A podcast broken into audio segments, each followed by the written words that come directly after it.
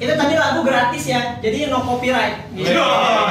no copyright gitu. Karena aku tuh malas gitu. Kenapa sih sekarang tiap platform dengerin lagu itu tuh harus berbayar gitu?